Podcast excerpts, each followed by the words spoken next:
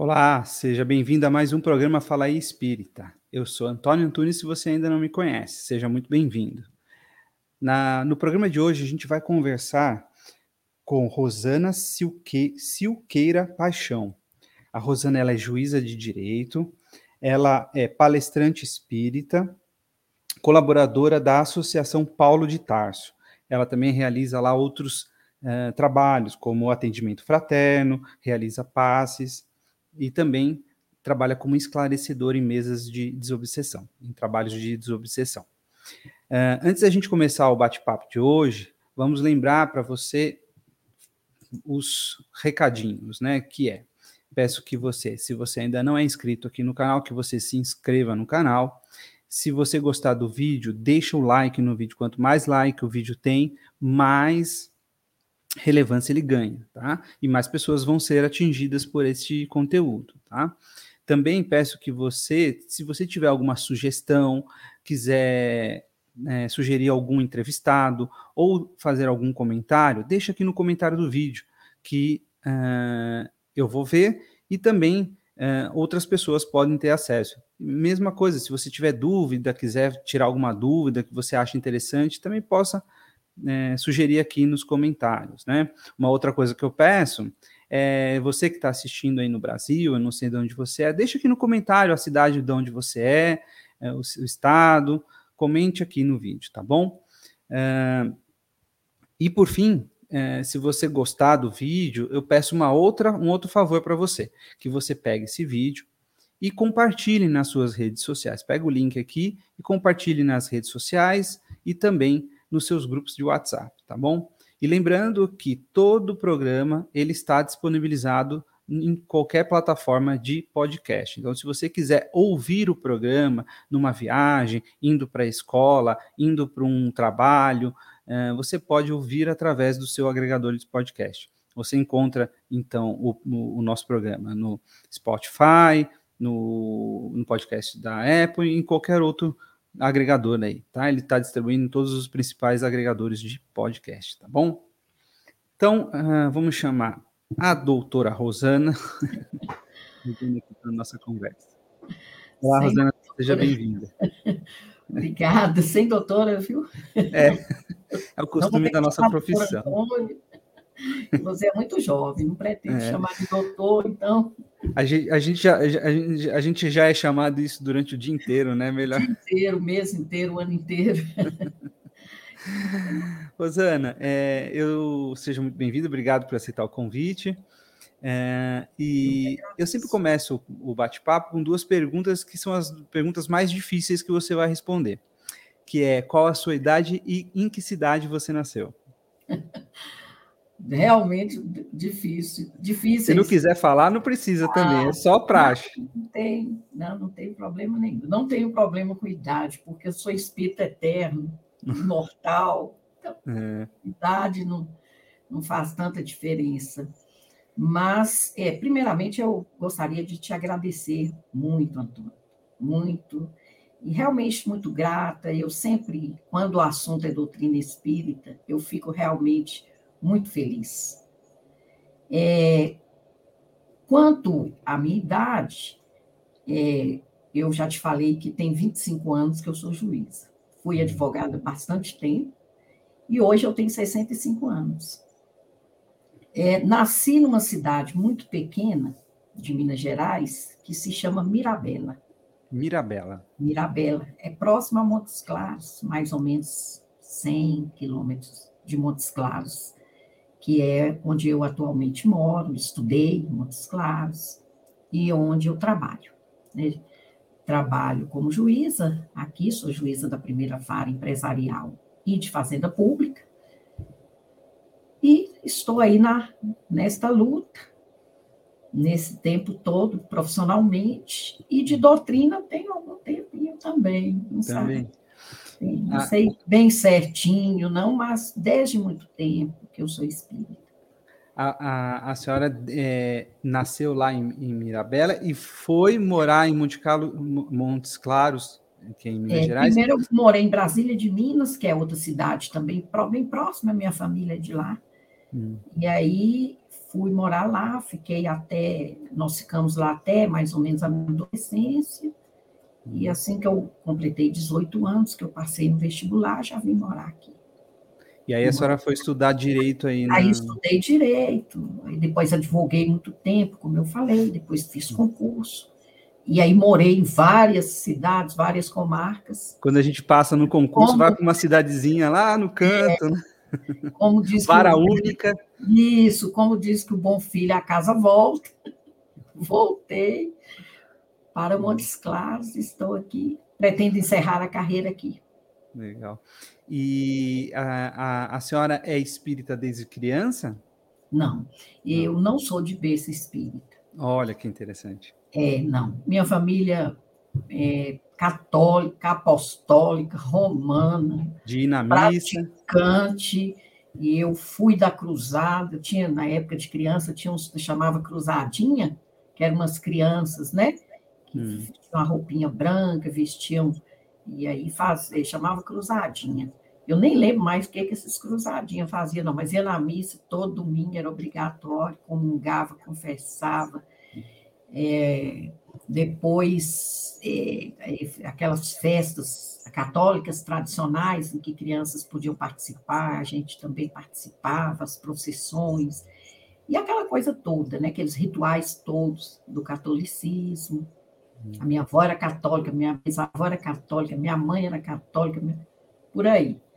Mas, é, assim, eu depois de 12, 13 anos, eu comecei a ter uma, assim, uma insatisfação interna. Hum.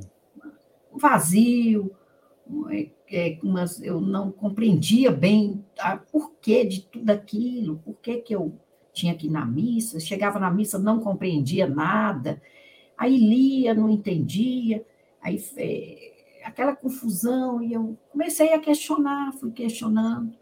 E aí, depois, com o passar do tempo, comecei a questionar também outras coisas mais profundas. Hum. Por exemplo, por que, que a gente morre? Hum. E a gente morre e vai para onde? O que é que faz? Fala que vai para o céu. Mas que céu? Que negócio é esse?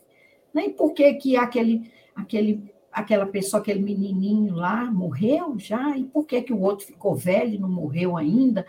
E essas questões, de onde que eu vim, como que eu apareci aqui, por que, que eu nasci nessa família que pode me dar essa condição de vida, o outro é, vive na rua, às uhum. vezes, né? O coleguinha que eu gosto, a, a mocinha que eu, é minha amiga, Quer dizer, por que dessas diferenças? Por que, que isso acontece? E aí eu não achava explicação.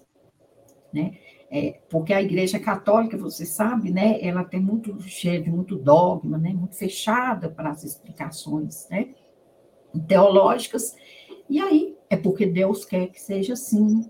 Hum. Nós não podemos saber toda a verdade. É, nós temos que nos contentar em, nas explicações lá do padre. E assim eu fui ficando cada vez mais é, confusa hum. com a falta de explicações que eu tinha. Não tinha lógica, eu não via como juntar uma coisa com outra para fazer um raciocínio lógico. Hum. E aí eu comecei a ler tudo que aparecia. É, depois, é, já mais ou menos com 20, 20 e poucos anos, aí eu busquei o espiritualismo, busquei os ensinamentos da nova era, participei um, um período. Nessa uhum. época, eu sempre fui adepta da yoga, eu sempre pratiquei yoga, então eu, através da yoga, eu conheci um pouco né, de outro, outras, outros vieses religiosos, mas não me vinculei. Né? Achei bonito, achei o budismo uma coisa maravilhosa. E, mas assim, não me vinculei, nem estudei profundamente, também não. Aí eu conheci a doutrina espírita. Hum. Conheci a doutrina espírita e comecei ali a estudar um pouquinho, li o Nosso Lar, e fui lendo alguma coisa aqui, acolá. E aí, de repente, eu estava assim, nossa, é isso, é por aí. Aí fui estudar o livro dos Espíritos, comecei, comecei aí o Evangelho, hum. fui me integrando. Depois eu entrei para a casa espírita. Aí eu Mas teve, teve alguém que te apresentou o espiritismo ou a senhora que foi procurar? Não tive, sim, tive alguns colegas de faculdade. Hum. Quando eu comecei a estudar, tinha uns dois ou três colegas só que já conheciam o Espiritismo, a maior parte também era de outras religiões, tá. mas é, eu comecei aí timidamente, assistir algumas reuniões, hum. é, achei muito interessante, é, principalmente, é, principalmente aquele aspecto assim do Espiritismo que não, não, não fecha os conceitos nela própria. Eu tenho a hum. verdade, e isso é assim, e as outras estão erradas. Então, hum. isso foi muito bom, foi muito importante para mim compreender que está tudo certo, né? Todos estão certos, apenas os momentos é que são diferentes para cada um. Sim. Eu estou com esse conhecimento, nesse nível de evolução, mas o outro também está certo, porque ele tem aquela compreensão. E aí eu comecei a entender né? Como que a doutrina é, é bonita, como que ela é profunda, como que ela é, nos explica assim de uma forma, é, digamos, tão amorosa tudo aquilo que a gente é, deseja e precisa saber, sem, sem assim nos, no, sem violentar o que nós já é, tínhamos dentro da gente, né? A gente vai mudando é, paulatinamente, com o passar do tempo, você vai incorporando aquelas ideias sem nenhuma sentir diferenças. É, digamos, muito choque, né? Sem choques, né? Então você vai mudando. E quando você pensa, você fala assim, nossa, que bom, né? Que bom que, que eu estou aqui, que bom que eu tenho hoje esse leme, essa, né? Essa coisa boa que é essa compreensão da vida, Sim. né? É, a, é, a, a, doutrina ela, ela tende a, a mudar a nossa visão da vida, né? Sim, com certeza. No, faz uma. É aquela. É a revolução é, muito mais que silenciosa, né? Hum. É uma revolução silenciosa é silenciosa, mas é muito mais que silenciosa. Né? É profunda, é na raiz, né? Ela vai trabalhando a gente lá dentro, vai e de repente você começa a entender coisas que você nunca pensou, que você nunca imaginou que poderia pensar daquela forma. Você está pensando e talvez nem só pensando, mas defendendo, né, falando, vivendo. Então, muito, muito importante para mim, na minha vida, a doutrina espírita fez a diferença. É claro que é, tive alguns embates, né, naturalmente, é, porque é, minha mãe, por exemplo, queria que eu continuasse frequentando. Dentro da religião católica. Na religião e tudo. Naquela, e, assim, naquela época ainda havia um preconceito maior, muito maior do que hoje nem tem, mas assim, naquela época havia ainda um certo preconceito, cidade pequena, né? Hum. É, as pessoas viam o espiritismo como, uma, como magia, como uma coisa negativa. Nossa, a pessoa que é média, ela adoece, ela fica doente, ela fica doida, ela é nossa. É... Então, assim, eu ainda vivi um pouco disso, mas não tanto quanto outras pessoas, claro. Hum. Minha mãe era uma pessoa é, quase que analfabeta, mas tinha uma compreensão muito grande, muito bonita da vida, sabe? Muito hum. leve. Então, é ela, claro, não era desejo dela que eu continuasse na igreja, mas nunca me, me obrigou, né? nunca me, me recriminou. A senhora tem irmãos? Tem. Eu tenho mais. São, nós somos sete irmãos do mesmo pai, da mesma mãe, e mais uhum. três irmãos do, do meu pai, uma outra esposa. Depois e, eles se E esses, antigamente o pessoal gostava de fazer filho. tipo, é. Hoje o pessoal está com para ter dois. Grandes, é. é. O, Você isso... tem muitos irmãos? Não. Eu né? tenho mais dois. Dois. É. Eu, já, eu, sou da geração dos três. Você já é da nova geração. Hein? É, eu sou da geração dos três. Isso. Aí a minha geração agora está tendo um, no máximo dois, né? É, é verdade. E, e os seus irmãos também viraram espíritas ou não? Nenhum? Não. não Todos eles, são católicos todos são católicos. Alguns falam assim, é, católicos não praticantes. no catolicismo é essa figura. católico não praticante, o outro é simpático ao espiritismo. Hum. E o outro tem um outro, assiste palestras. É, minha irmã, quando eu só, só tenho uma irmã, os outros são todos homens. Quando ela às vezes necessita ou quando ela acha bom, ela vai ao centro toma um passe. Hum. Mas nem nenhum aderiu assim totalmente ao espiritismo. É, eu acho interessante, né? Porque tem muito católico que gosta do passe, né? Assiste, gosta de Chico Xavier, gosta do Divaldo, é, né? É, exatamente. É, é, mais ou menos esse caso. Eles o Brasil gostam, é muito rico. Respeitam nisso, né? muito, né? É. E, mas não são, não se tornaram. Legal. E, e, então a senhora se tornou. A senhora tem um momento que a senhora fala, agora eu sou espírita? Teve algum momento né, na sua vida, algum, ou, ou, ou foi naturalmente? Eu acho que é, o momento assim que eu me senti espírita mesmo. Hum. Falar, eu sou espírita. É, eu tive essa vontade de falar sobre o espiritismo. Legal. Entendeu? Hum. É, claro, isso aconteceu há muito tempo, eu não sei precisar exatamente né, a, a época, assim, mas eu, eu assim, é, o que, que eu posso fazer? Eu não sou médium, né, pelo menos ostensivo. Eu, eu não eu não tenho, na época, não tinha, não tinha condições financeiras boas. O que, é que, eu, o que, é que eu posso fazer para contribuir né, com a obra de Jesus? O que, é que eu posso fazer? E aí eu fui pensando, meditando, e eu sempre gostei muito de oratória. Quando hum. eu fiz direito, eu tinha, né, no seu tempo, hoje não tem mais, mas no meu tempo a gente fazia oratória. E eu, eu participei de um concurso é, de oratória na faculdade e fiquei em segundo lugar. Hum.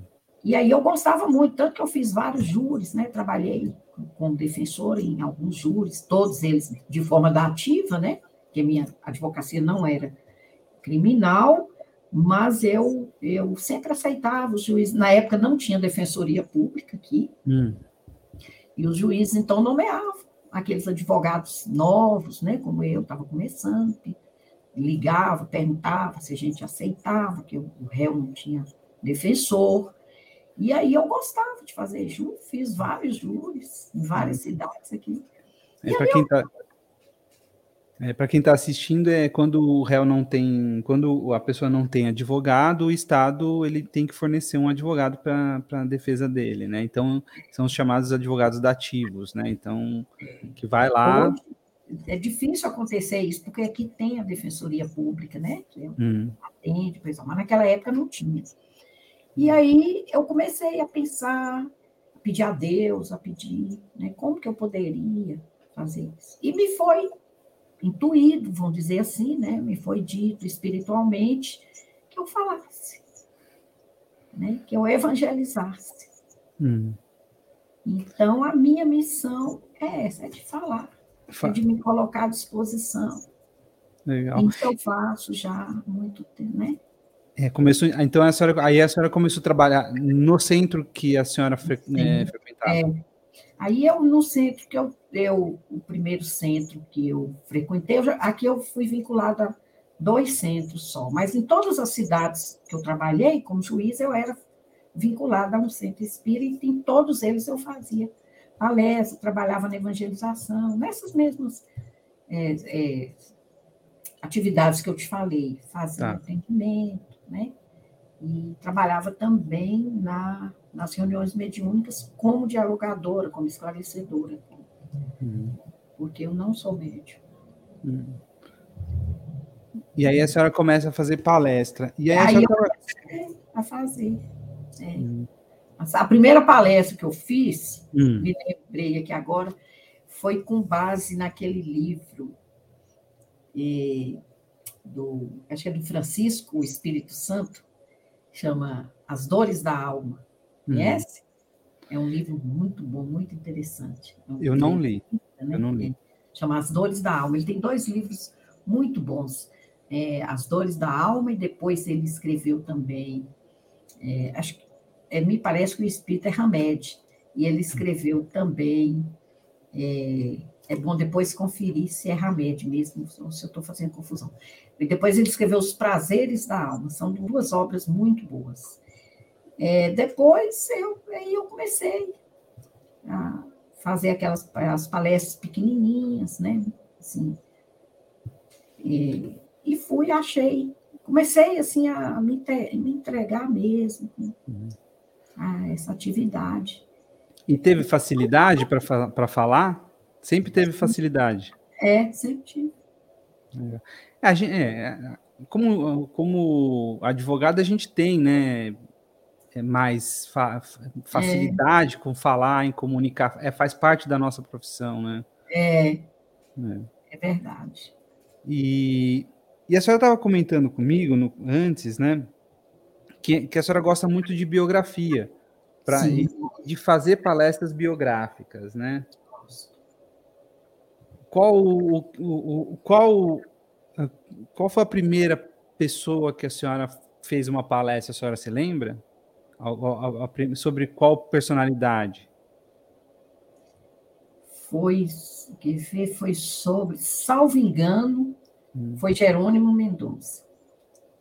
Tá. Foi sobre Jerônimo Mendonça. Quando, é, numa palestra, é, em que o, o, o, tema central era humildade, hum. eu falei sobre Jerônimo.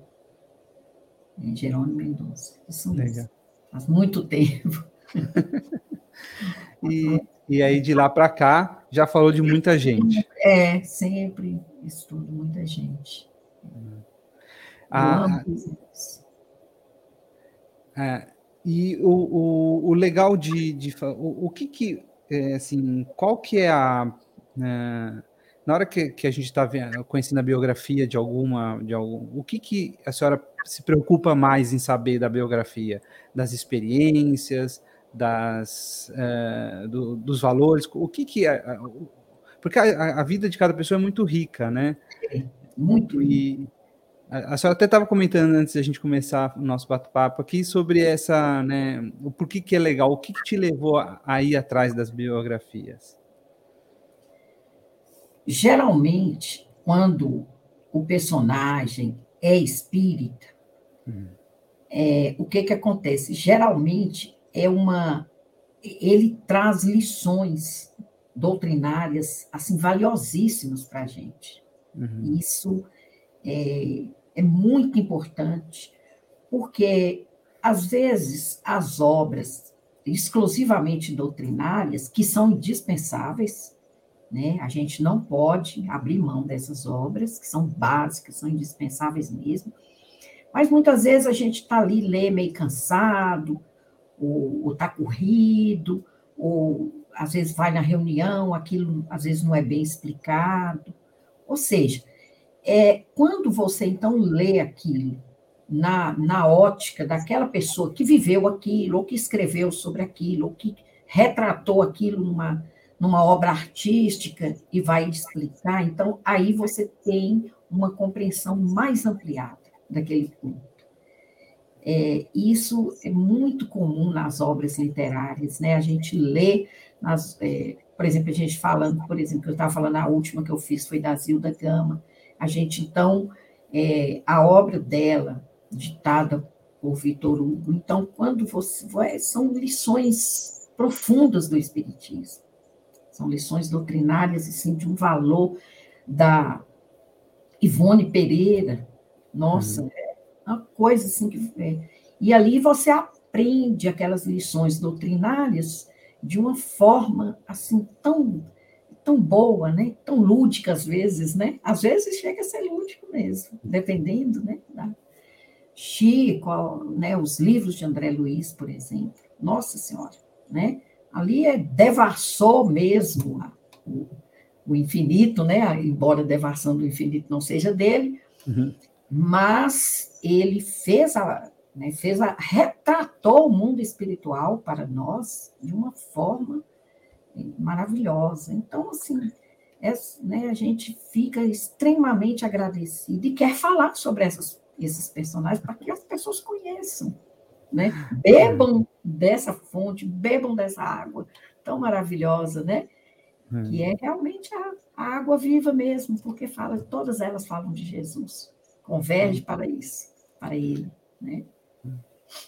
É, todas as obras falam de Jesus, falam dos seus ensinamentos e dos seus, e, dos seus valores, né? Sim, e sim. a senhora acha que, ao ler a experiência da, de uma a, a ler uma biografia, conhecer a biografia, conhecer a história de vida do, do, do, personagem, principalmente dentro do espiritismo, né? Isso faz com que a gente se identifique com ele e por isso a gente é mais interessante? Também. Muitas vezes a gente é, tem a mesma dificuldade né, é, do, do que aquele que, que está sendo biografado. A gente às vezes tem ou teve, né? Dificu... Porque todos nós temos muitas questões íntimas a serem resolvidas. Né? Todo, todos nós, esses que escrevem, que falam, que ditam, né? eles, todos eles também tiveram muita dificuldade, têm muita dificuldade. E a gente também, todo ser humano, nós todos, né? Todos os humanos temos muito a vencer dentro de nós. E eles nos estimulam muito, porque a gente encontra pontos de identificação, tanto no, nos pontos positivos, que nós também temos, né? Claro.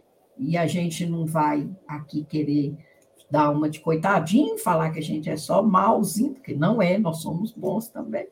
Uhum. E também aqueles pontos que a gente tem que modificar, que a gente tem que pensar, que a gente tem uma concepção, às vezes, muito limitada, né? muito aquém do que aquilo pode nos oferecer. E eu acho que esses personagens eles nos ajudam muito nesse ponto. Muito, muito mesmo. Eu aqui no. Eu já conversei com algumas pessoas que tiveram contato com o Chico, né? E conheceram o Chico, né? E o Chico Xavier é o médium mais conhecido do Brasil, né? Sem dúvida. Tem, tem, é, já tem, tem, foi feito filme, né?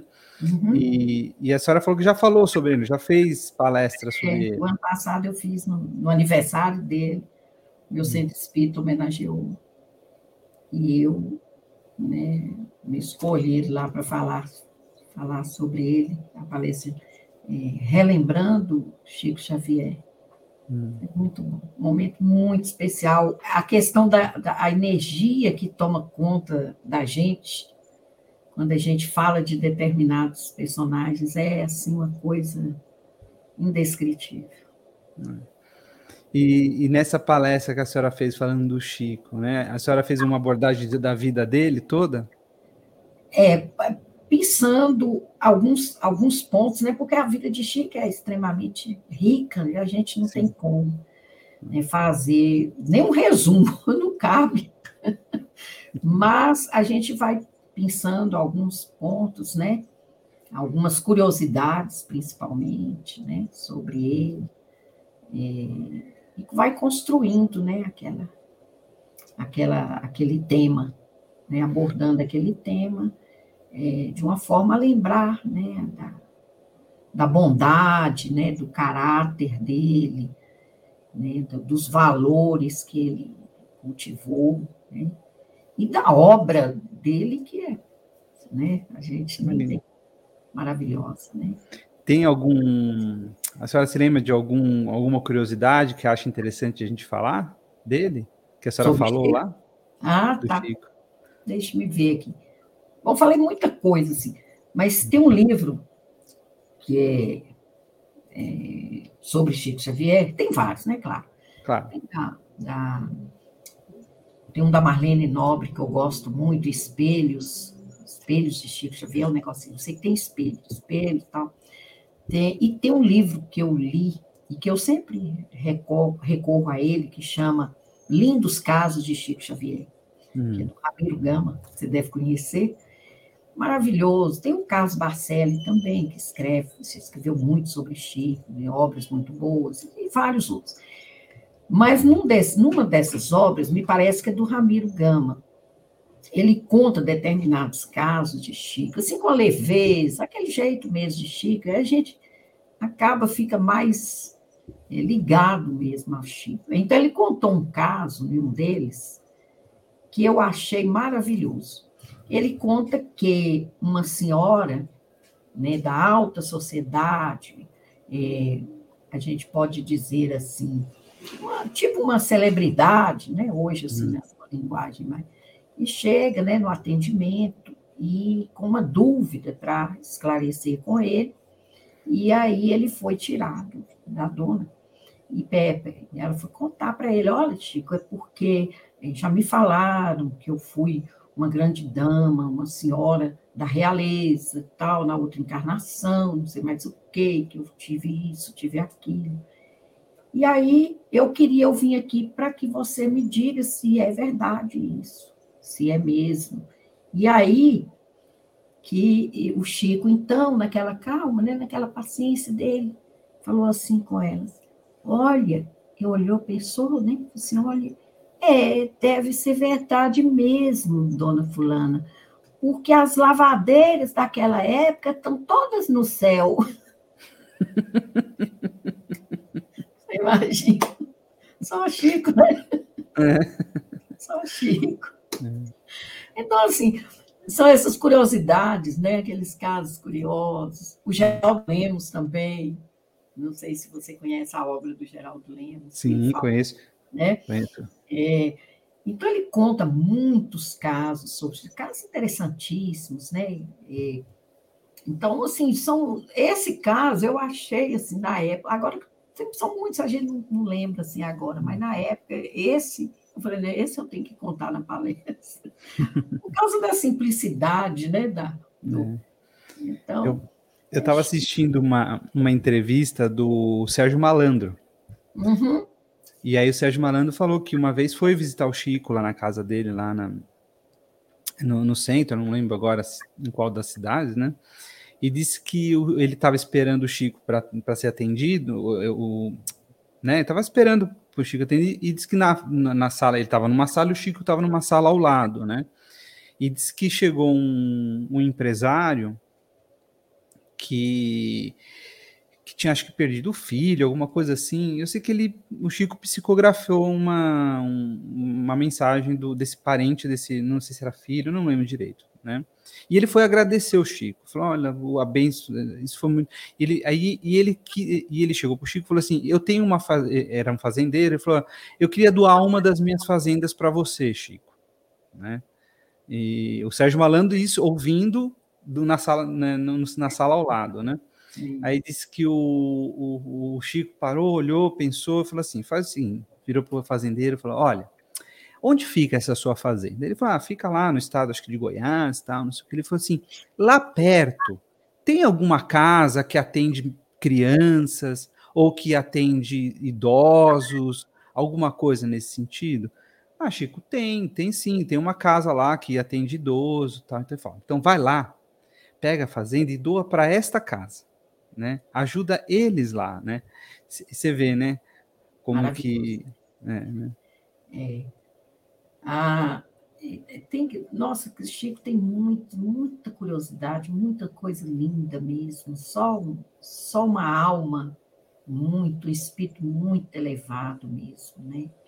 Hum. Tem esse desprendimento. Parece-me que nessa uma dessas obras também tem uma pessoa também que se sentiu tão grata queria dar para ele um, carro, levou hum. a chave do carro e ele, não, não recebo, não posso receber, meu trabalho, tal, né? aquele negócio todo. E a pessoa insistindo, ele falou, não, então faz o seguinte, fica, pode ficar com a chave, o carro é meu, você leva, põe em sua casa e deixa. Eu te empresto, né? Aí depois, com o passar do tempo, ele entrou em contato e também fez a mesma coisa, mandou, pediu a pessoa que doasse. Uhum para alguma entidade que a pessoa uhum. tivesse encontrado. É, não, são várias. Aqui também eu tive uma conversa com o Gitânio, que é um dirigente espírita aqui de São Paulo, ele também conta, né, que ele uhum. foi, foi o Chico foi autografar um livro e ele estava lá tal. E aí disse que ele ficou nervoso, tal, não sei o que, chegou para o Chico e falou: Ah, obrigado por você estar tá aqui, né? Aí o Chico olha para ele: Obrigado você por estar aqui. Né? Devolveu, né? Olha que grandeza, né? Grandeza.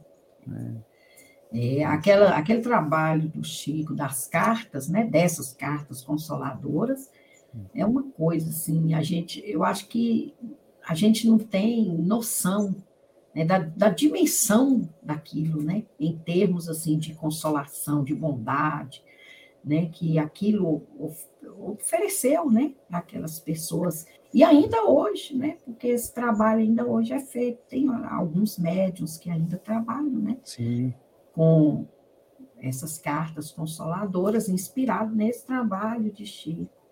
Você já imaginou a dor de perder, né, entre aspas, de perder o ente querido, principalmente por parte da mãe, e alguns em, em acidentes graves, em situações assim, de, de, tragédias mesmo, e depois você receber aquele, aquele conforto, né, de saber do filho falar com você, com a, né, com a linguagem dele, com os fatos que ele descreve ali, dizendo: olha, eu estou bem, não preocupe, né? Uhum. Eu fui acolhido, eu, eu já tenho condições de. Nossa, é uma coisa. Acho que nada mais consola, né? Inclusive aquela Nair, Nair Belo, Nair Belo, né? Que é uma atriz, ela já até faleceu, Sim. bem antiga, né? Ela teve esse problema do filho dela que morreu e ela ela mesma conta isso, eu assisti inclusive o vídeo, ela falando. E ela, ela teve uma depressão, assim, uma coisa que ela achava que nunca mais ia voltar à vida normal.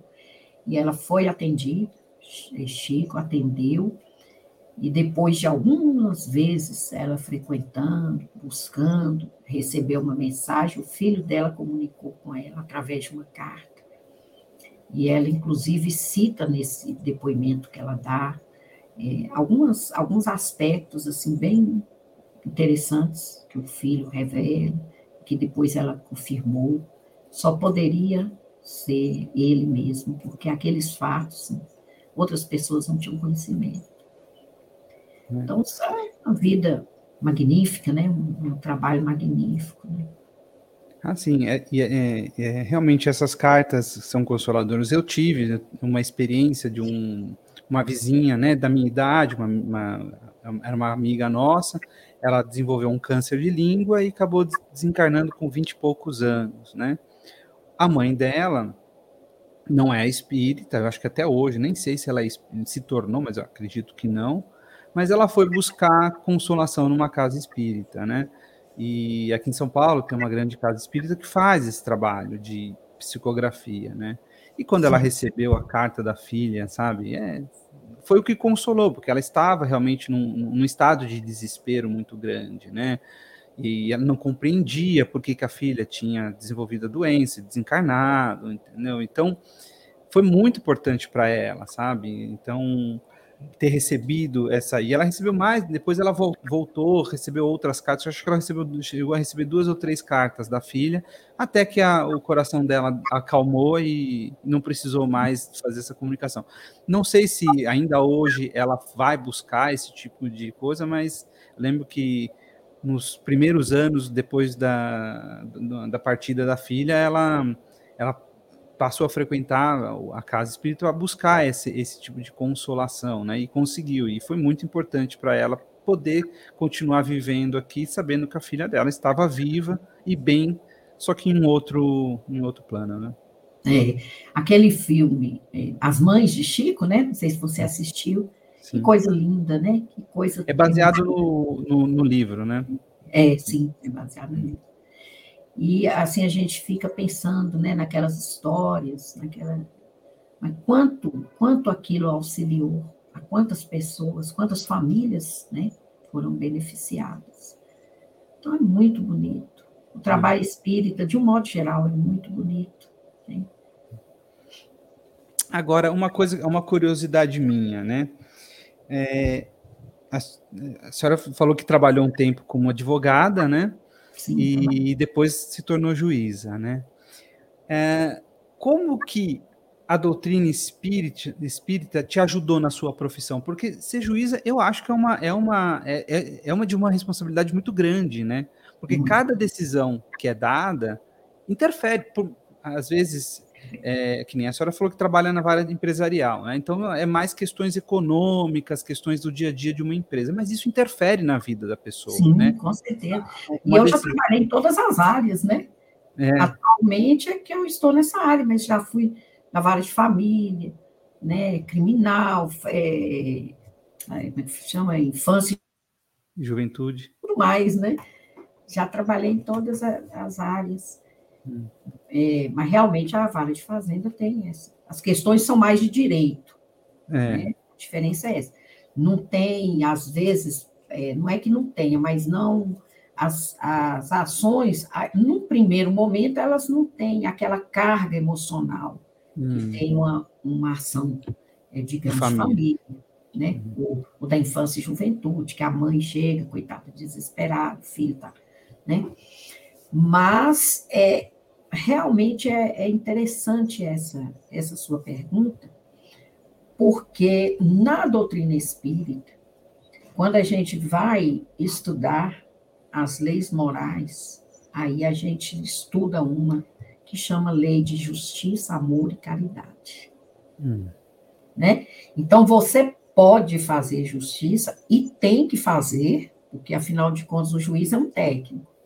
Né? Ele não pode sair né, da lei, mas ele pode ter, em todos os momentos, absolvendo, condenando, em qualquer decisão, ele pode ter, sim, um olhar compassivo. Né? Ele pode ver, e, e o juiz, eu acho, e, e tem né, grande parte dos juristas também concordam, ainda que não sejam espíritas, é que se julga fatos, você não julga o ser humano. Isso é a área desse tipo de julgamento não nos pertence. Você julga o ato do ser humano. Né? É o assassinato, é o estupro. É, né? O, aquela pessoa que cometeu aquilo, claro, ela vai ser punida, ela vai ser ter um benefício, ou se está presa tem direito. Mas é, é, o ser humano ele tem que ser respeitado, porque ele está assim naquele momento. Né? No, aquilo não significa que ele é sempre assim, que ele foi sempre assim, que será sempre assim. Né? Então, é, a gente tem que ter, tem que é, fazer essa diferença hum. né? do ser humano para o ser que erra. Porque ali também tem um ser que acerta, tem um ser que é bom, tem um ser que tem dentro dele a raiz da bondade que em algum momento ele vai desenvolver. Pode não ser essa reencarnação agora, mas em algum momento ele vai. Então, a, a, o olhar eu acho, da justiça, eu acho que tem que ser é dessa forma. Né? Se você tem os códigos, você tem as leis, você tem todo o aparato para julgar. Agora, você pode fazer daquilo um ato, né? Que, que digamos assim, que é, condene mesmo, que é, dê àquela pessoa ali naquele momento o que é justo, mas que ela também receba aquilo sem ser ofendida na sua dignidade. Entendo. E eu acho que esse é, é o papel assim que, que o juiz deve perseguir. Eu não vou dizer para você que, não, que eu sou assim, mas é meu objetivo. É, sempre foi esse. É, de buscar isso, buscar essa, buscar ver o ser humano além da lei né? mesmo estando, lógico, todos nós estamos submetidos a ele, né? Sim. Não tem como fugir.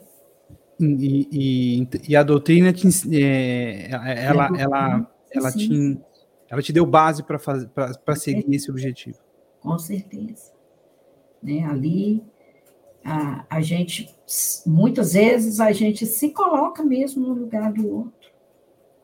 Né? Para hum. verificar que aquilo poderia ser daquela outra forma, ou poderia ser a gente, ou poderia ser um parente, né? É, então, a gente vê muito essa questão do próximo, o próximo. seja ele quem for. Hum.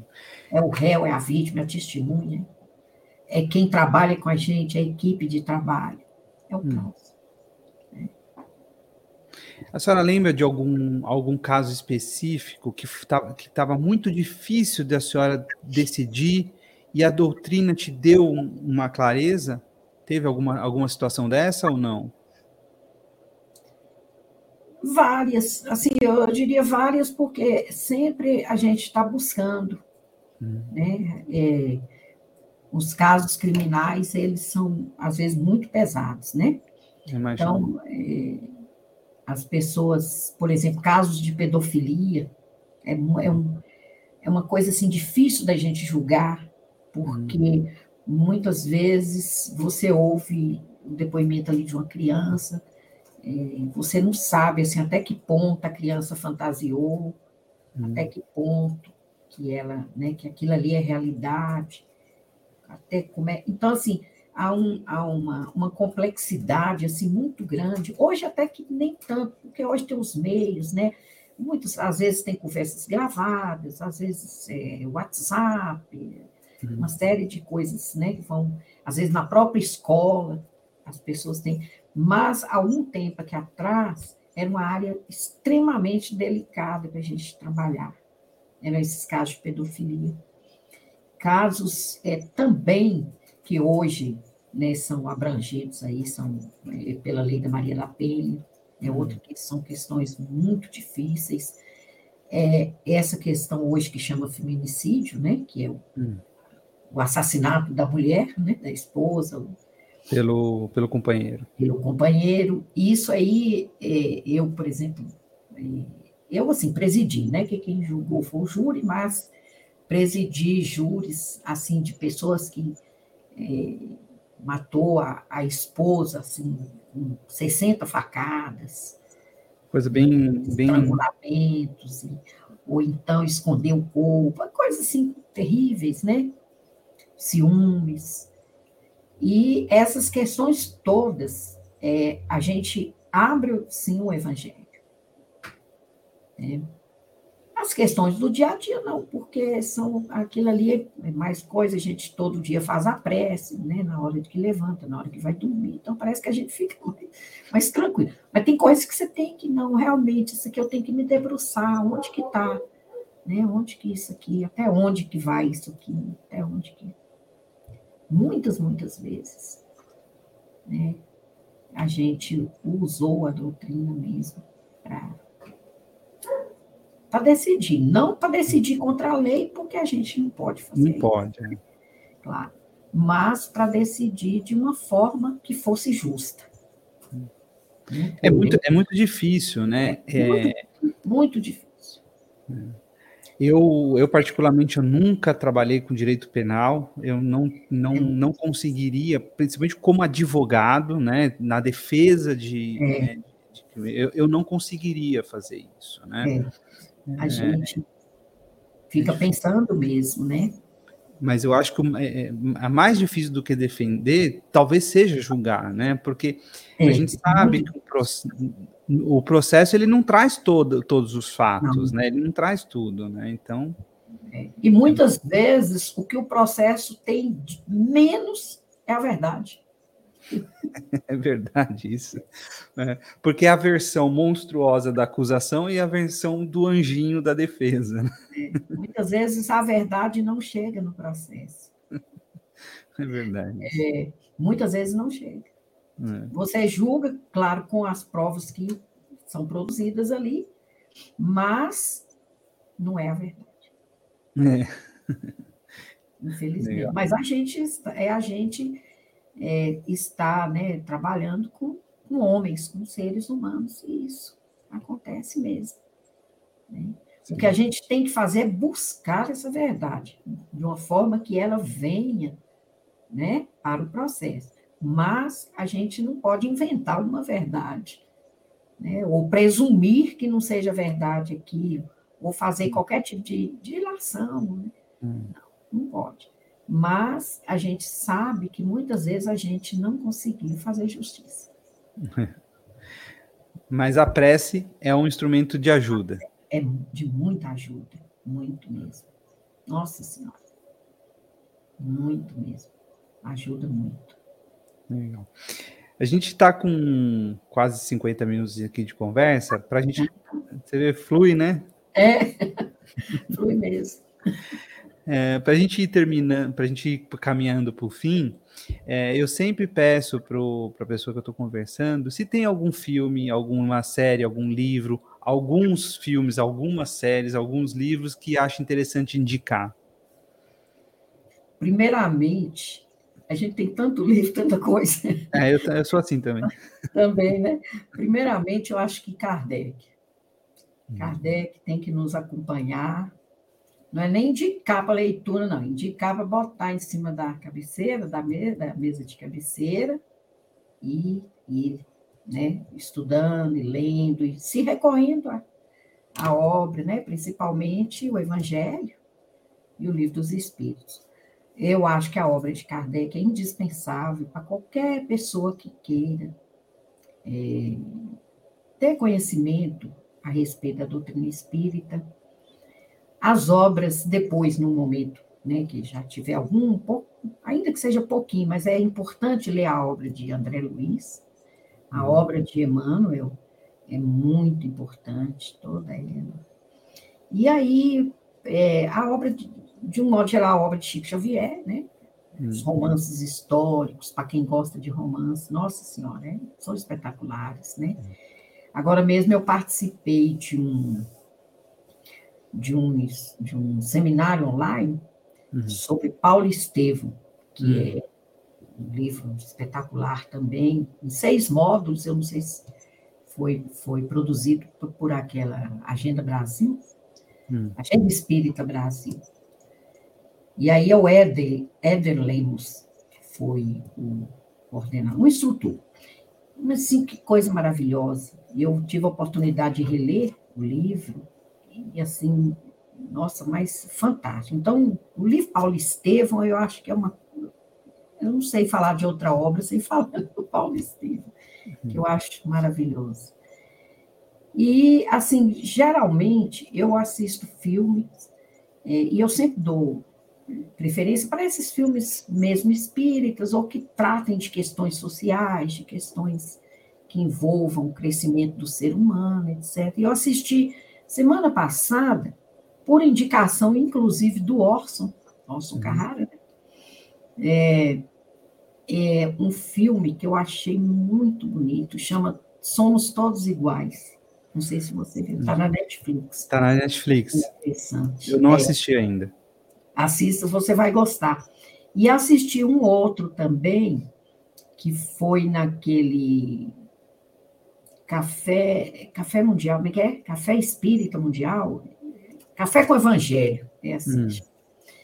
E é todos os dias, às 8 horas da manhã, de 8 até 8h40, mais ou menos. E uma palestrante falou que, antes dela iniciar a fala dela, que eu nem pude assistir, porque eu tinha que sair para trabalhar, mas aí eu assisti um pedacinho, e aí ela falou que tinha assistido um filme que estava recomendando, que chama, o filme chama Antônia, Antônia.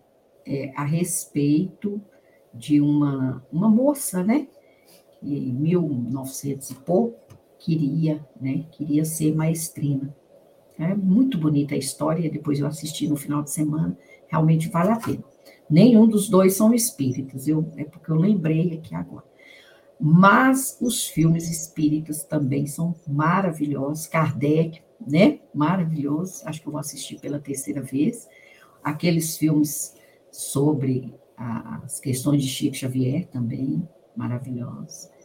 E, nossa, é muita, muito. Agora, Paulo Estevão, assim, eu indicaria para a pessoa que é espírita, para quem não é, porque é uma história lindíssima, né? Eu vou fazer uma palestra amanhã, não, depois de amanhã. E aí foi muito bom eu ter participado desse seminário e ter tido a oportunidade de reler muita coisa que a, a palestra fala, a palestra é Jesus e os discípulos. Então, falar rapidamente ali sobre cada um deles. E aí a gente volta lá no cristianismo primitivo e volta no Paulo. É, é muito bom. É, o Paulo. Estevam, ele é um livro que vira e mexe e surge aqui no bate-papo, viu? É, sem dúvida, é, né? é, é um clássico. É um é. clássico. Tem, tem, e é realmente Há dois muito... mil anos também, é né? muito bom. Eu não li ainda o Há Dois Mil Anos, está lá na minha, na minha, na minha prateleira para eu ler. É, você vai gostar, muito bom também, muito emocionante também a história. E é o que a gente fala, as lições doutrinárias que tem ali. Paulo Estevam, é, no, no, há dois mil anos, as informações históricas são fantásticas. É um resgate mesmo da, da história ali daquele momento. Muito interessante. É, né? E nosso lar, nosso lar, que eu acho assim que todo mundo deve ler nosso lar. É. Acho que eu li tinha uns 20 e poucos anos. É, eu também, mas eu acho que sempre a gente está fazendo referência, é uma página, é uma coisa, é outra, né? É um estudo que às vezes a gente está participando. Muito interessante nosso lar. Eu acho que depois que eu li Nosso Lar, eu abri bastante para o Espiritismo, sabe? É, é aquilo que a senhora falou no começo, né? É a, é, é, é a obra do Chico, né, com o André Luiz, revelando que existe cidade, que existe uma organização, que existem governantes, que existem é, é, computadores, telas, né? Coisas que a gente conhece é. agora aqui na Terra, mas na época ah, que foi... já estão lá, né? O mundo é. das ideias, né? Já estão. A, a, o, o aerobus, né, que é o, o, o, o, ônibus que, que flutua e faz a condução das pessoas. Então, ele realmente é muito interessante. Era, e é algo que não tem na obra de Kardec, né? Porque o Kardec ele ele traz mais as questões doutrinárias, etc. e tal, né? E, e, e aí o, o, André Luiz ele vem relatar esse dia a dia, a vida, no, a vida do, no, no plano espiritual, né? No plano espiritual, é, exatamente. É. Muito interessante, muito bom mesmo. Rico, né? Rico. É muito rico, é muito rico. Agora, existem outros livros, né? O próprio Divaldo com o Manuel Filomeno de Miranda, né? Tem outros. Né? Tem esse último, que é o Em Rumo ao Mundo de Regeneração. Sim. É um livro muito bom, li. Eu também já li. É, né? É, ele, Divaldo tem uma obra também, né? É, só, só de falar naquela na obra de Joana de Ângeles. Sim. Né? Tem, nossa senhora é, qualquer coisa assim de maravilhoso, espetacular mesmo, né? E ele tem aquela obra como Anel de Filomeno, Anel Filomeno de Miranda, é, que geralmente foca na, na obsessão e desobediência, na mediunidade. Isso. É fantástico, né? É, da, da obra dele, é, de, de Manuel Filomeno, é uma coisa assim maravilhosa, né? tratada.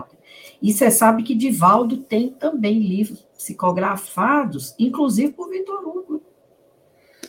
É interessante, é né? A gente sabe.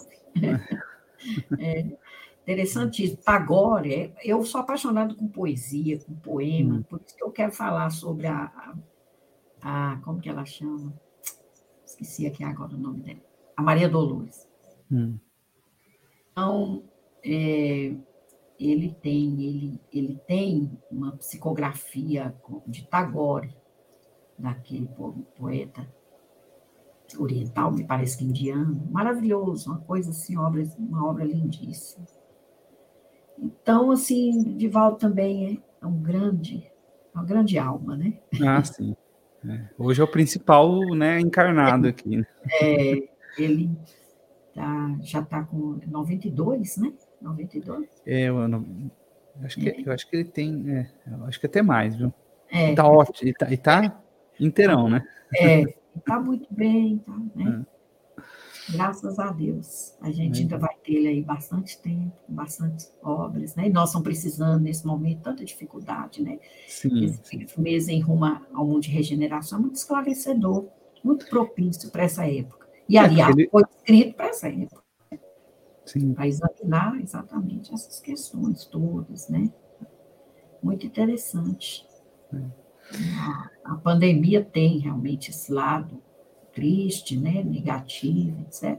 Mas trouxe também esse lado é, de, de expansão, inclusive entre as pessoas, né? Se de um lado reduziu, do outro aumentou. O relacionamento, né? Talvez se não tivesse a pandemia, se não tivesse nada disso, nós não estávamos conversando aqui agora. É, certamente não, porque eu comecei com esse projeto por causa disso. Então, a gente ficou só, ficou né, assim meio que tristinho, vamos procurar amigos, né? Vamos fazer é. é verdade. É. É. Rosana, foi muito, foi muito bom conversar contigo. Ah, eu adorei, viu, Antônio? Muito bom mesmo. Adorei sua jovialidade, né? Tão jovem, já tem esse conhecimento assim da doutrina, tão bom, tão profundo. Que bom, parabéns, viu? Uma coisa que eu, que eu, que eu falo para as pessoas é o seguinte, né? Eu tenho falado para sempre quando eu posso falar, eu falo, né? Larga o celular, larga a rede social e vai ler um livro. Sim, coisa ótima, ótimo conselho. É. É, aí a gente para as pessoas terem um pouco de ideia, um livro de 250 páginas, você leva de 3 horas a 3 horas e meia para ler um livro de 250 páginas. Então, imagina o seguinte, dá uma olhada, pega o celular, o celular você consegue ver quanto tempo você está na rede social, ele mede lá quanto tempo que você é. fica dentro da rede social. Vê quanto tempo você está lá. Se você fica uma hora... Às vezes a noite inteira, né? É, então tem gente que fica mais Se facilitar, fica a noite inteira. Você já imaginou uma pessoa que fica uma hora por dia, a duas uma hora, uma hora e meia por dia, se ela dedicasse é, um pouco desse tempo a ler um livro, ela consegue. Se, se um livro de 250 páginas demora três horas e meia para você ler, em dois dias você lê um livro. Sim. Se você largar o celular e ler o livro. Se largar o celular. É. é. Se você lê 15 livros por, por mês. Sim. Não precisa ler 15, lê um. Né? Leia um. É, e, e, eu sou assim, né? É. Eu, eu, eu, acabo de ler um livro, eu já tenho dois para ler. É, eu também. Todo mundo que gosta de ler, né? Assim, a gente sempre está nessa. Né? A gente corre atrás, fica correndo atrás, né? É, corre. Precisa criar o costume. Depois que você costuma, é. você sente falta. Aí é hábito, né? Habituou. É. Né? A, a, pessoa precisa se forçar a, a ler. Eu acho é, assim. Sem dúvida. Porque realmente dá preguiça. Não lê antes de dormir. Não é um bom horário. É, não, não é mesmo. Porque você, vai ler uma, duas páginas, vai ficar com sono, vai dormir e vai desinteressar. No outro dia já não sabe nem o que que leu. Exato, exato. Então dedica uma, um tempo do seu, do seu dia que você está quieto, na hora do almoço, ah, sempre almoço sozinho, pega um livro, almoça lendo. Não é? Né? Ah, eu de manhã cedo tomo café sozinho. Pega um livro, entendeu? Pega é alguma, alguma parte do seu dia que você 10, 15, 20 minutos e lê. É, né? Exatamente. Está fazendo o trajeto de ônibus para o seu trabalho? Senta, no, em vez de ficar escutando. É bom escutar música também, mas em vez de ficar no celular vendo rede social, que o pessoal fica tudo vendo rede social, larga a rede social e lê um livro. É. é discutindo, né? Discutindo na rede social, não vai levar nada. Leva nada. é. Rosana, é. muito obrigado, viu? Antônio, eu que te agradeço imensamente Agradeço muito, agradeço a Deus por ter te conhecido, agradeço Eu a Jesus. Agradeço. Né? Que a gente possa algum dia se encontrar, né? em algum lugar. Né? Vamos, vamos estudando. Vamos é isso aí. Né? Vamos estudando. Até logo. Até logo, muito obrigada.